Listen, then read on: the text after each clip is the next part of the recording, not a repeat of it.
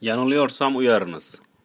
10 Aralık 2015 Mahmut Toptaş Okuyan Hasan Göktaş Mısır meydanında tarihin adını unutamadığı Firavun kendi kölelerine konuşuyor.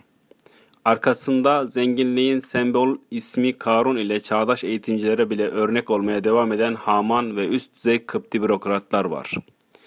Naziat suresinde Firavun'un konuşmasının en öz cümlesi haber verilir. O konuşmasında ben sizin en yüce Rabbinizim der. Yani siz benim koyduğum kanunlara uyacaksınız, Musa ile Harun'un Rabbine uymayacaksınız der. Burada durun ve düşünün.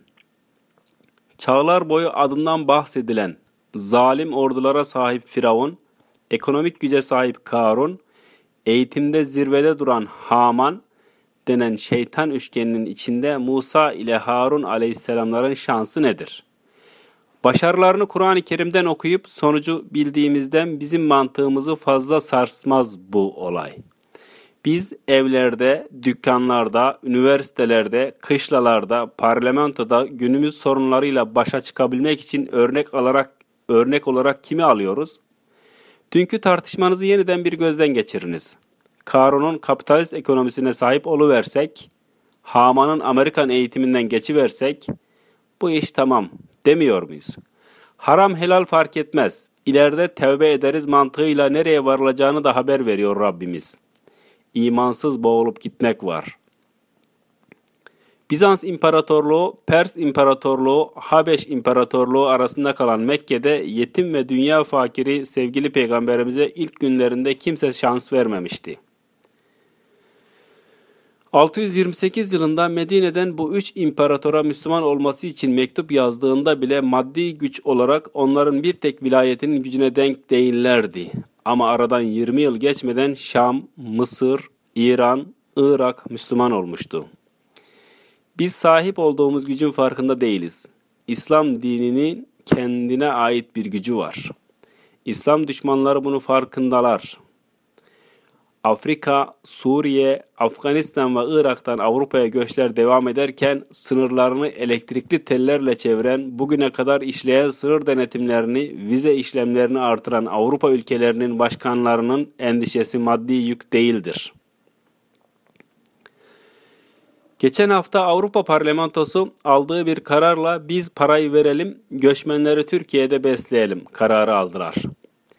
Nedenini Macaristan Devlet Başkanı ağzından kaçırdı. Halkımızın Müslüman olmasından korkuyoruz.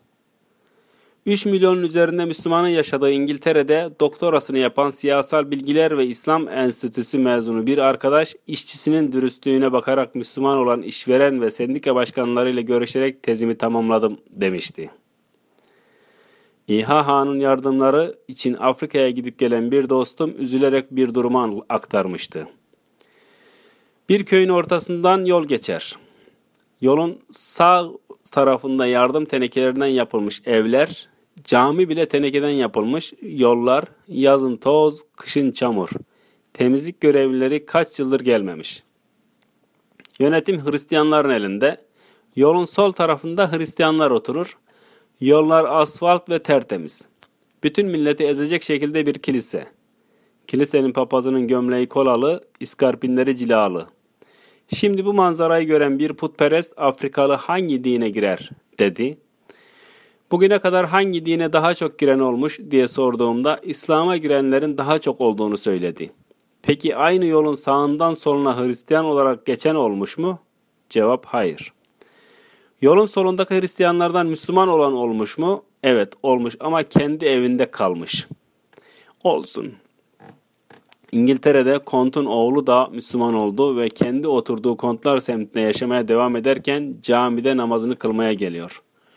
O yoldan geçen, ormanlar arasında yaşayan putperest biri bile yolun sağı ile soluna baktıktan sonra yönetimin de Hristiyanlara ait olduğunu görünce iş dünyası onu sağdaki Müslümanlara çeker. Dinimizin özünde taşıdığı güçten fazla haberimiz yok bizim.''